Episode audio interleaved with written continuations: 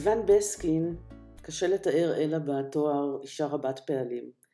היא משוררת ומתרגמת והיא חתומה על קבצי שירה נהדרים כמו יצירה ווקאלית ליהודי דג ומקהלה ואחותי יונתן. היא גם חברת מערכת כתב העת הו ורשימת התרגומים שלה ממגוון שפות נראית אינסופית. היא פרסמה במוסך אה, מספר מסות על תור הכסף של הספרות הרוסית, על סיפורי ילדים סובייטים וכמובן על לאה גולדברג, המשוררת האהובה עליה, ובימים אלה ראה אור ספרה שבעה ימים אביב בשנה. זהו ממואר והוא נע בין ליטא שם סיוון נולדה לישראל ועובר בלא מעט תחנות מאוד מעניינות של זיכרון וספרות ושפה ומשפחה וקטעים ממנו סיוון תקרא בהמשך. שמי דפנה לוי, אני מאורחות המוסך ואני שוחחתי עם סיוון על ספרה החדש והתחלנו את השיחה בשני דברים שסיוון אה, עוסקת בהם בין היתר בספר. הראשון הוא שמבחינתה הספרות יוצרת את האמת ולא רק האמת יוצרת את הספרות.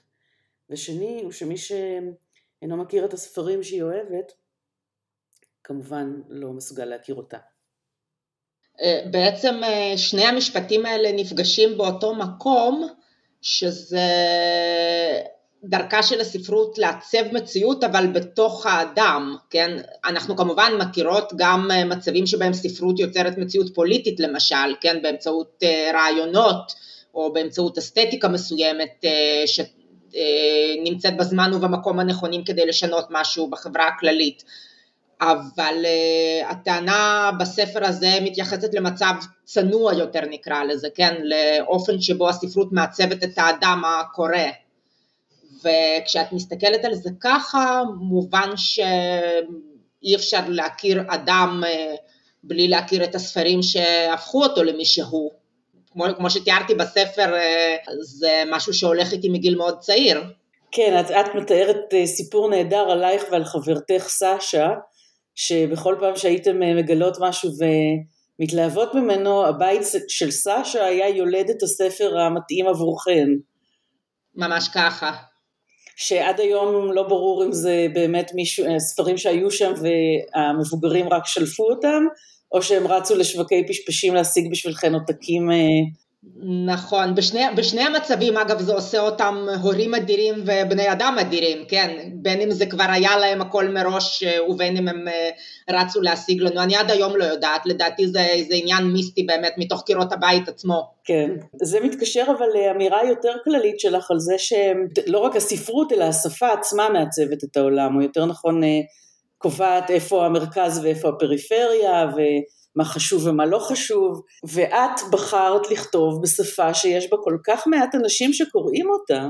כן, מצד שני תחשבי על הבסיס שלי, על ההשוואה, יש לי בעצם שני בסיסים להשוואה, כי אני קוראת אה, רוסית, שפה שיש בה מאות מיליוני קוראים, או אנגלית, שפה שיש בה מיליארדים של קוראים נניח, ומצד שני אני משווה לשפה הליטאית שיש בה פחות, יש בה כשלושה מיליון קוראים אם סופרים גם מי שהיגר משם, ועדיין היא, כפי שזכיתי לגלות עכשיו בסמינר אה, מתרגמים מליטאית שהייתי, כל הזמן נכתבים בספרים נהדרים. אני ככה יצאתי מהסמינר הזה עם ראש רותח אה, ורצון עז לקרוא הכל ועכשיו.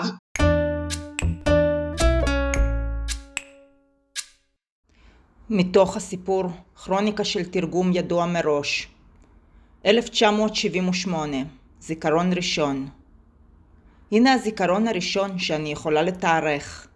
אני בביתם של סבא יוזס וסבתא יהודית, בעיירה נימנצ'יני. אני נוקשת על הדלת הסגורה של אחד החדרים ונכנסת. בפנים יושבת על מיטתה קשישה קטנה, שכולם קוראים לה מוצ'וטי, סבתא בליטאית. מוצ'וטי היא אימא של סבא יוזס. היא נשענת על הכריות הרקומות בפרחים, שלנצח יזכירו לנו את פניה. היא חלשה, אבל היא מחייכת אליי ואומרת, לבס מרגייטה, מוקי כלביית לטובישקאי.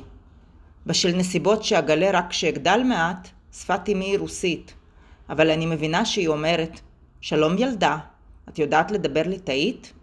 אני עונה בגאווה, מוקו, יודעת, אני בת שנתיים. איך אני יודעת שהייתי בת שנתיים ולא יותר?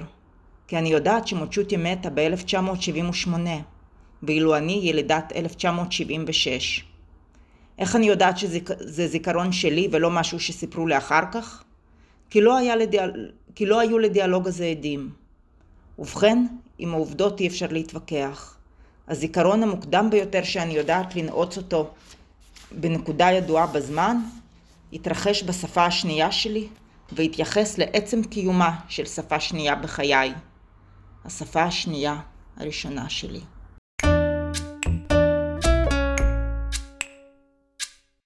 מה באמת גרם לך לרצות לא לכתוב ברוסית, שבאמת פתוח בפנייך עולם כל כך הרבה יותר רחב, יש כל כך הרבה סיכוי למצוא אנשים שיתעניינו במה שיש לך לומר?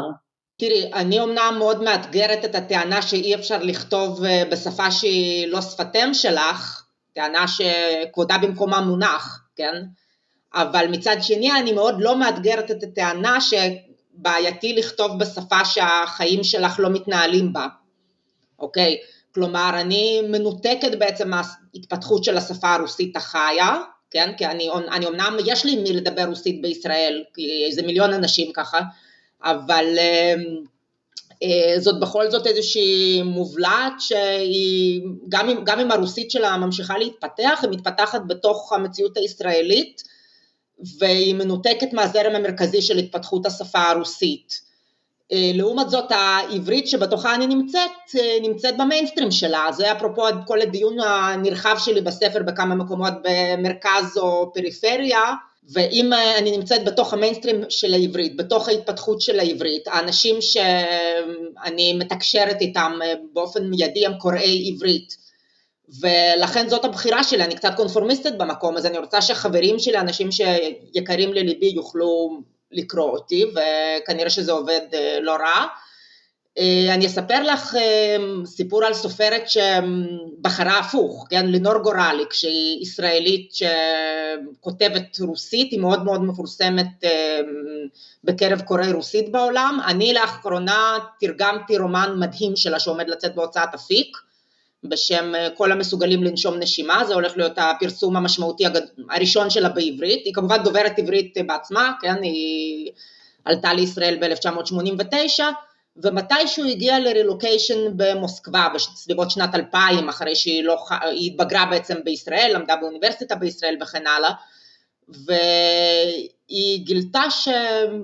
לא יודעת, 12 שנים שהיא נעדרה מהמרחב דובר הרוסית, הרוסית כל כך השתנתה שהיא לא יודעת המון דברים, היא לא הייתה, היא דיברה רוסית כל הזמן בארץ נגיד עם המשפחה שלה, אבל היא לא הייתה במיינסטרים, היא הייתה מנותקת מההתפתחות שלה, והיא מגיעה נגיד לעבודה במשרד, זה ממש היא סיפרה לי, היא הגיעה לעבודה בחברה שאליה היא הגיעה לרילוקיישן, ושומעת שיחות ופשוט לא מבינה, יש לנו הרי אשליה שאנחנו כל הזמן עם האצבע לדופק עם כל העולם, בגלל שאנחנו מחוברים בכל צורה אפשרית. כל הח... את החדשות אנחנו שומעים כל הזמן, אנחנו רואים אה, כתיבה פחות פורמלית ברשתות חברתיות ובבלוגים, אנחנו קולטים טלוויזיה ורדיו מכל העולם. זה באמת מצמצם את הפער, זה נכון.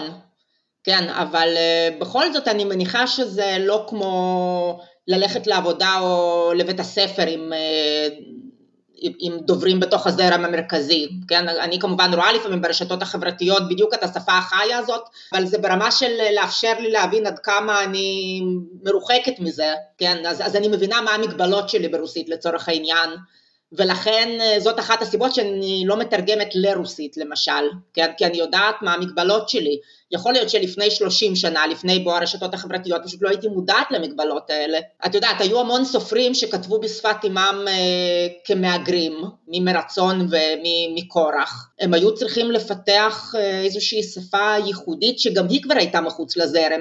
אם תקחי את אוצר המילים של ספרי נבוקוב אה, ברוסית, שהוא באמת סופר ענק, אבל uh, היו כל מיני uh, מסלולים שבהם את ממש יכולה לראות איך הוא, מתוך גם בחירה מודעת מאוד משמעותית בשבילו, uh, לא משתמש ברוסית שמתפתחת באותו זמן בברית המועצות, הוא עובד ברוסית אחרת לגמרי שמתפתחת במסלול מקביל מבחינתו, זאת בחירה נהדרת שלו, זאת לא בחירה כנראה ש... אני הייתי יכולה לעשות. זהו, אבל יש לעומת זאת באמת קבוצה מאוד נכבדה של סופרים מצוינים שהיגרו באיזשהו שלב, ובאמת אה, כתבו יצירות מאוד גדולות בשפה חדשה לחלוטין. אז בדיוק, אז אה, זאת בחירה שאני כן עשיתי בעצם, ואת מדברת פה בדיוק על בחירה שדומה לבחירה שלי, של לכתוב בשפה של הסביבה שבה את חיה. זאת אה, בחירה אחרת לגמרי. עכשיו אין פה נכון ולא נכון ואין בחירה יותר טובה או פחות טובה. אחד הדברים שמאוד מצאתי שהם מאוד מעניינים זה שאת כותבת שאת הגעת בחזרה לווילנה עיר הולדתך בגלל באמת אה, בזכות כנס של אה, מתרגמים שהוזמנת אליו ואת אומרת שם שבאיזשהו שלב את מבינה שגם אם יש קהל קוראים קטן וקהל כותבים קטן יחסית אז uh, השפה או היצירה לא חייבת להיות פרובינציאלית. בהחלט. את רואה את זה מתממש גם בעברית? כי את מתלהבת מאוד ממה שנכתב היום בליטא. אני גם מתלהבת מאוד ממה שנכתב היום בישראל. אנחנו לא, אנחנו לפעמים אוהבים לחשוב על עצמנו כעל איזו פרובינציה ולהתלונן שאנחנו ככה, אני גם שומעת את זה מאנשים נניח, אה, לא יודעת, דוברי רוסית שמתלוננים שאין פה קולטורה מה שנקרא, שפה זה לא מוסקבה והכל בתת רמה ו... והכל פרובינציאלי ועולב. אני חושבת שהם טועים. אגב, אני לא שמעתי אף פעם דעות כאלה מאנשים שהגיעו מניו יורק ומלונדון ומפריז. אלה אף פעם לא מתלוננים שאין פה קולטורה משום מה. אז uh, שלא לדבר על היחסים המורכבים שיש לנו היום בין תל אביב לברלין, כן? אנחנו לא איזה פרובינציה, אנחנו מרכז של עצמנו, כן? אנחנו מרכז של השפה, אנחנו המיינסטרים של העברית, אין שום סיבה שנעשה לעצמנו הנחות. יש כל כך הרבה יצירה שנוצרה באזורי ספר, כן, כולל וילנה, כן, וזו תופעה נהדרת, אבל uh, במקרה של, ביחס לעברית אנחנו גם לא ספר, כן, אנחנו, אנחנו המיינסטרים, אין לנו במה להתבייש, אין לנו סיבה לעשות לעצמנו הנחות, אין לנו סיבה לשקוע בדיכאון, כן, uh, באמת, שום דבר הוא לא תירוץ. את מדברת הרבה על זה שעבודת התרגום מאוד מאוד חשובה לך, אף שאת משוררת, אה, שיש משהו שמאוד חשוב לך בלהביא באמת ספרים שאת קשורה אליהם עמוקות לשפה החדשה שלך לעברית. במובן הזה, באמת לעברית אה, אין מה להתבייש, כי באופן מעשי מתורגמים לכאן המון דברים שהעולם הדובר אנגלית נגיד, מתעלם ממנו, פשוט כי הוא לא צריך להביא אולי מבחוץ, או כי... בהחלט. אה, אנחנו, יש לנו את המזל לזכות סוג של בחינם באנשים שדוברים אה, הרבה שפות מכל מיני מקומות בעולם, אני חושבת שאנחנו נהנים מהפירות. עכשיו אני מאמינה גדולה ביכולתו של תרגום. אני חושבת שלא כל מתרגם יכול לתרגם כל יצירה, יש עניין של התאמה אישית או כישורים אישיים, אבל אה, בסופו של דבר אני מאמינה שכל יצירה יכולה למצוא את המתרגם שלה, כל יצירה יכולה להיות מתורגמת נהדר, הכל עניין של אה, השקעה וכישרון ועבודה. לאיזה יצירות את נמשכת במיוחד? מה, לאיזה יצירות צריכות לדעת שאת המתרגמת שלהן? שאלה מעניינת, אף פעם לא, לא שאלתי את עצמי את השאלה הזאת. אה, תראי, אני יודעת שאני כמעט ולא עושה מאה ה-19, כן? אני קודם כל אני מתרגמת הרי מכמה שפות, לא רק מרוסית. אה, רוב היצירה שאני עושה שייכת למאה ה-20, הרבה מאוד מתור הכסף הרוסי מה שנקרא, מהמחצית הראשונה של המאה ה-20, גם שירה גם פרוזה, אבל גם יצירות מאוחרות יותר. לעולם לא אתרגם סופר שאני לא נהנית לקרוא, אני יוצא לי לדחות הצעות אה, שלא מתאימות לי, אבל מבחינת uh, סוגות, אני, יצא לי לתרגם גם שירה, גם פרוזה, גם מחזות, גם non fiction, זה פשוט צריך להיות אה, קריאה נפלאה. מאיזה שפות את מתרגמת פרט לרוסית? אה, רוסית, אנגלית, ליטאית, אה, שירה מיידיש ובאופן מאוד אנקדוטלי גם אה, תרגמתי קצת מצרפתית לקובץ המקוללים שיצא בהוצאת ה-21 לאחרונה, שנייה לפני הספר שלי, אבל נגיד צרפתית אני לא מחשיבה, זה היה אנקדוטלי. אבל את קוראת גם גרמנית. אני קוראת גרמנית, עדיין לא יצא לי לתרגם מגרמנית, לא, לא קרה, אבל זה בטוח יקרה, בטוח מתישהו נתכנן ב-21 איזה קובץ שירה של משוררות גרמניות, וזה איכשהו חלק מזה יתגלגל גם אליי, אני בטוחה. הייתי רוצה לחזור שנייה לכנס המתרגמים הזה, בגלל שאת אה, כל כך התלהבת מהספרות הליטאית העכשווית, אז אולי את יכולה לספר קצת משהו, מה, מה ראית שם שבעיקר, או מה, למה נחשפת שבעיקר הלהיב אותך? אה, א', אה, אני חייבת להגיד שעוד לפני שמגיעים לספרות כספרות, ההפקה, ההוצאה לאור של הספרים היא ברמה מאוד מאוד גבוהה. האסתטיקה ברמה מאוד מאוד גבוהה, וכל מי שהראיתי לו ספר ליטאי פה בארץ אחר כך התפעל מזה. חזרתי מזוודה מלאה? באמת ביום האחרון לפני שהייתי צריכה לחזור הלכתי עם סשה לחנות ספרים היה לי כזה קטלוג שהבאתי מהסמינר, סימנתי שם אה, כל מיני ספרים שיכולתי, ש, שכאילו עניין אותי במיוחד אה, לקנות, אז באמת הלכתי, קניתי ש, כמה ספרים שמצאתי באותו רגע ויכולתי לדחוף למזוודה הקטנה שלי, ואמרתי לעצמי שאת כל השאר אני אחר כך פשוט אזמין מאיזושהי חנות אונליין, אחרי שאני אגמור את אלה שקניתי עד עכשיו.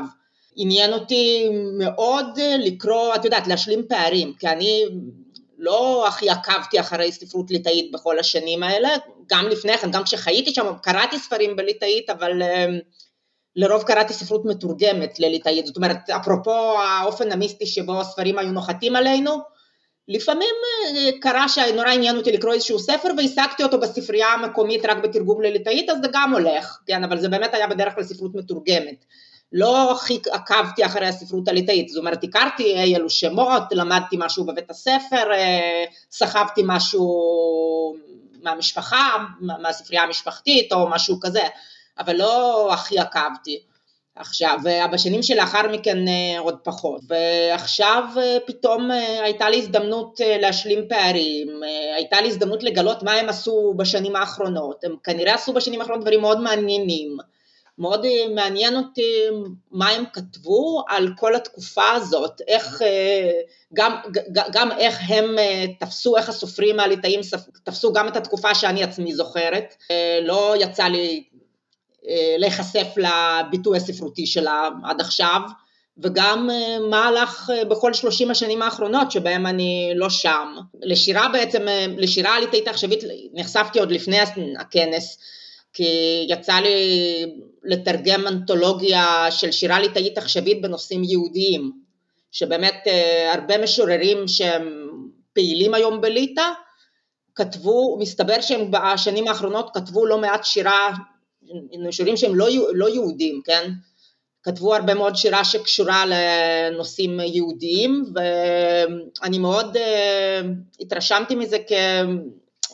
זאת הייתה דוגמה מאוד חזקה של משוררים שהולכים לפני המחנה, כי ליטא בשנים האחרונות עוברת איזשהו חשבון נפש מאוד כואב ביחס למה שמכונה ועוזריהם, נושא כואב, נושא שמפלג את החברה, מפלג משפחות אפילו, והמשוררים כולם התייצבו לצד האמת ההיסטורית, כואבת ככל שתהיה, ואני חושבת שזה סימן אה, לזה שבסוף כל החברה במסלול הנכון להבראה בעניין הזה. הם יהיו בסוף בסדר, בזכות, בין היתר גם בזכות הספרות הזאת. אז באמת מאוד אה, מעניין אותי הייצוג הזה.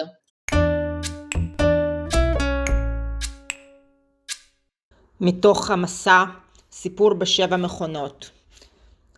מקרה יוצא דופן אחד של sisterhood היטיב עם זלטה עצמה והגיע מהמקור הכי פחות צפוי. אפילו לא מחברה ללימודים, אלא מהפרופסורית הקשוחה לתולדות השפה הגרמנית. זה היה הקורס הקשה ביותר בתואר כולו. הפרופסורית היהודייה הייתה מגיעה למשך הסמסטר ממוסקבה כדי ללמד אותו, ונחשבה לאימת הסטודנטים. זלטה שנישאה נישואי בוסר שלא האריכו ימים לבחור יהודי שעבד כמאפר בתיאטרון היהודי המקומי, בסיפור שלהם כמעט הכל הזוי, ואספר חלק ממנו בהמשך. ילדה את אבי בדיוק בימים שבהם התקיימה הבחינה בתולדות הגרמנית. במקום לתת לה ציון נכשל טכני, מה שהיה גורם לה לאבד את מלגת המחיה שלה, העריכה הפרופסורית הקשוחה את שהותה במינסק עד שזלטה השתחררה מבית היולדות, ובחנה אותה אישית, תוך התעניינות כנה וחביבה בשלומה ובשלום התינוק. בכל פעם שאני נזכרת בסיפור הזה אני בוכה מהתרגשות. אבא שלי נולד באופן סמלי משהו, בדיוק באמצע המאה ה-20, ב-31 בדצמבר 1949, בברית המועצות הסטליניסטית, שהאריכה את חייו ואת גורלו של אדם פחות מכפי שהאריכה מסמר חלוד. המעשה האנושי של הפרופסורית הקשוחה, גם לה יש שם והראוי לזכור אותו, פרופסור ברמן, למען הסטודנטית, היה יוצא דופן במידה שקשה לתפוס. את עזבת כשעוד הייתה תחת שלטון סובייטי. אה, אני עזבתי אותה כבר אחרי הכרזת העצמאות, אבל לפני אירועי ה-13 בינואר בש... במגדל הטלוויזיה, כש... כשבאמת הגיע משבר וברית המועצות שלחה טנקים ובסוף אה, מגיני העצמאות אה, ניצחו והתנתקו סופית מברית המועצות. התקופה שעזבתי זה היה ממש בתקופת המצור, זה הכל גם כן מתואר בספר, גם אירועי מגדל הטלוויזיה שכבר לא הייתי עדה להם. אבל הייתה לי עדת ראייה שכתבה לי, תיארה לי אותם במכתב, אבל אני כן זוכרת את המצור הכלכלי מצד ברית המועצות, שזה היה מין אה, אמצעי לחץ אה, כלכלי שבמהלכו עזבנו. לעבור מדינה זה תהליך שלוקח לא מעט זמן, ההורים שלי התחילו להתעסק בזה עוד לפני שהתנועה לעצמאות ליטא העלתה הילוך. ועד שהכל קרה ועד שהכל אה, הושלם, כבר בעצם ליטא עצמה הייתה במקום אחר. כן, כבר היה נורא ברור שאין דרך חזרה, שהלבנה הזאת מהחומה הזאת נתקעה, אבל אנחנו כבר היינו פשוט במסלול מהיר לעלייה לארץ, ולכן ככה יצאנו באמצע, אבל כן, אני זוכרת אה, גם את, אה, גם את התקופה שליטא עדיין הייתה תחת הכיבוש הסובייטי וגם את התקופה של המאבק לעצמאות, וגם אה, כמה שיאים. אני בסוף, אני חושבת שזה אחד הדברים שעשו אותי לאדם מאוד אה, אופטימי פוליטית, למרות אה, שאין הרבה סיבות לכאורה, כי יצא לי לראות עם שנאבק לעצמאות באמצעים לא אלימים ובסוף הצליח. ועכשיו עברו 30 שנה ו... ואף אחד לא מצטער על זה, נקרא לזה ככה. כן, טוב, השאלה... חוץ מפוטין כן. כנראה. טוב, אי אפשר לסיים שיחה איתך בלי להזכיר את לאה גולדברג כמובן, לא רק בגלל שבאמת אה, היא בילתה שנים חשובות בקובנה, וגם בגלל שאת מציינת אותה תמיד כמשוררת מאוד אהובה אלייך, אלא בגלל שאת אומרת, וזה אני חושבת אה, לא קשור רק לעובדה שהיא באה מאותם נופים ויש לה חוויות ילדות דומות לשלך, אה, או חוויות מעצבות דומות לשלך, את אומרת עליה שאת ממש אל העברית שלה, את, את הרגשת שאת אה, נופלת אל בין, ה, אל, אל בין זרועות העברית שלה, כאילו שזאת מכרה ותיקה. בעצם זה לא עצם הבחירה בעברית, אלא העברית הספציפית של גולדברג ושל כמה מבני דורה, כן? כי העברית הזאת של שנות ה-40, כי גולדברג אה, באופן ספציפי גם קרובה אליי מבחינה רגשית, שזה עניין אישי לגמרי, והיא גם קרובה אליי נופית כמו שהזכרת, והיא גם קרובה אליי מבחינת אה, זה שמקור העברית שלה הוא הגימנסיות העבריות החילוניות אה, בליטא, שאני מכירה את זה טוב מאוד מסבתא שלי, זה גם כן מתואר בספר. אה, כן. אז זה ספציפית בקשר לגולדברג, אבל אם ניקח את זה למקום יותר רחב, וניקח בכלל את בני דורה, כן? שיש ביניהם כמובן הבדלים, יש את אלתרמן שהוא יותר לאומי, יש את שלונסקי שהוא יותר אה, ממציאן נקרא לזה בשדה העברית, כן? אה, וכן הלאה, אבל בסך הכל כשאת קוראת נניח תרגומים לעברית אה, שראו אור בשנות ה-40 של הדור הזה, ואת משווה אותם לתרגומים של שנות ה-60 נניח, והש... או אלה של שנות ה-40 מנצחים בנוקאוט, בלהיות קרובים יותר לעברית של ימינו. עכשיו זה פרדוקסלי באיזשהו אופן, ותמיד כמובן אנחנו אומרים שכל דור צריך לתרגם לעצמו מחדש את הקלאסיקה, ולפחות לגבי העברית זה כנראה נכון, כי העברית אה, מתעדכנת ומתחדשת בקצב נורא נורא מהיר, אולי מפני שהעברית המודרנית נולדה הישר אל תוך המאה ה-20, היה צריך, אה, בעצם התפתחה בתוך הקצב של המאה ה-20 והמאה ה-21, שזה קצב מהיר יותר מכל מה שקדם לו. וגם אה, אה, מפני שהיה צריך במהירות פתאום לתרגם את כל הקלאסיקה ואז שוב ושוב ושוב, כן? על פי העיקרון הזה. אני חושבת שלדור הזה הייתה איזושהי צלילות נורא גדולה בשפה שלהם שהיא היום יותר קרובה לליבנו מהזרמים הנקרא לזה יותר מופשטים ויותר מתחכמים אה, שתר... שאת מרגישה בתרגומים של שנות ה-60 ואפילו ה-70 וה-80 באיזשהו מקום. אחרי זה זה באמת אני חושבת שבשנים האחרונות היה איזשהו מפנה לטובת אה, שוב צלילות גדולה יותר, אז אה, זה עושה אותנו קרובים יותר למתרגמים הגדולים של שנות ה-40, אבל זה באמת אה, תופעה מחזורית מעניינת. הספר שלך, שבעה ימים אביב בשנה, שהכותרת שלו לקוחה משיר של לאה גולדברג, אם כבר דיברנו עליה, זה ההתנסות הראשונה שלך בפרוזה, בכתיבת פרוזה? כן ולא. זה, הספ, זה ספר הפרוזה הראשון שלי, אבל הוא בעצם מורכב ממסות שחלקן פורסמו לפני כן, שנים לפני כן חלק, בין היתר אצלכן במוסך, אבל זאת בטח לא התנסות ראשונה שלי בכתיבת מסות, זה המסגור הראשון שלי ככותבת פרוזה. זה עדיין, צריך לזכור שזה עדיין לא fiction, כן? עדיין לא כתבתי שום דבר שהוא fiction וזה... אה, זאת פסגה שעדיין לא העפלתי אליה לכתוב fiction, שזה כמובן ה... יש לך שאיפה? בתיאוריה כן, אני עוד לא, לא פיצחתי איך עושים את זה. בטח, אני, אני חושבת שסיפור קצר מושלם אה, זה, זה הדבר הכי וירטואוזי שאשת ספר יכולה לכתוב. סיפור קצר מושלם, אין להסתתר מאחורי אמצעים שיריים, אין להסתתר מאחורי אורך של רומן, אין להסתתר אחרי דברים שעושים בתיאטרון שתמיד איכשהו מוציאים אותך יפה אה, ואין להסתתר מאחורי התיעודיות של ה non fiction. אני, אני מחכה 45 שנה לכתוב אה, סיפור וזה עוד לא קרה. זה כשאני אהיה באמת גדולה. אני ביחס לדברים האלה אני עדיין מרגישה נערה.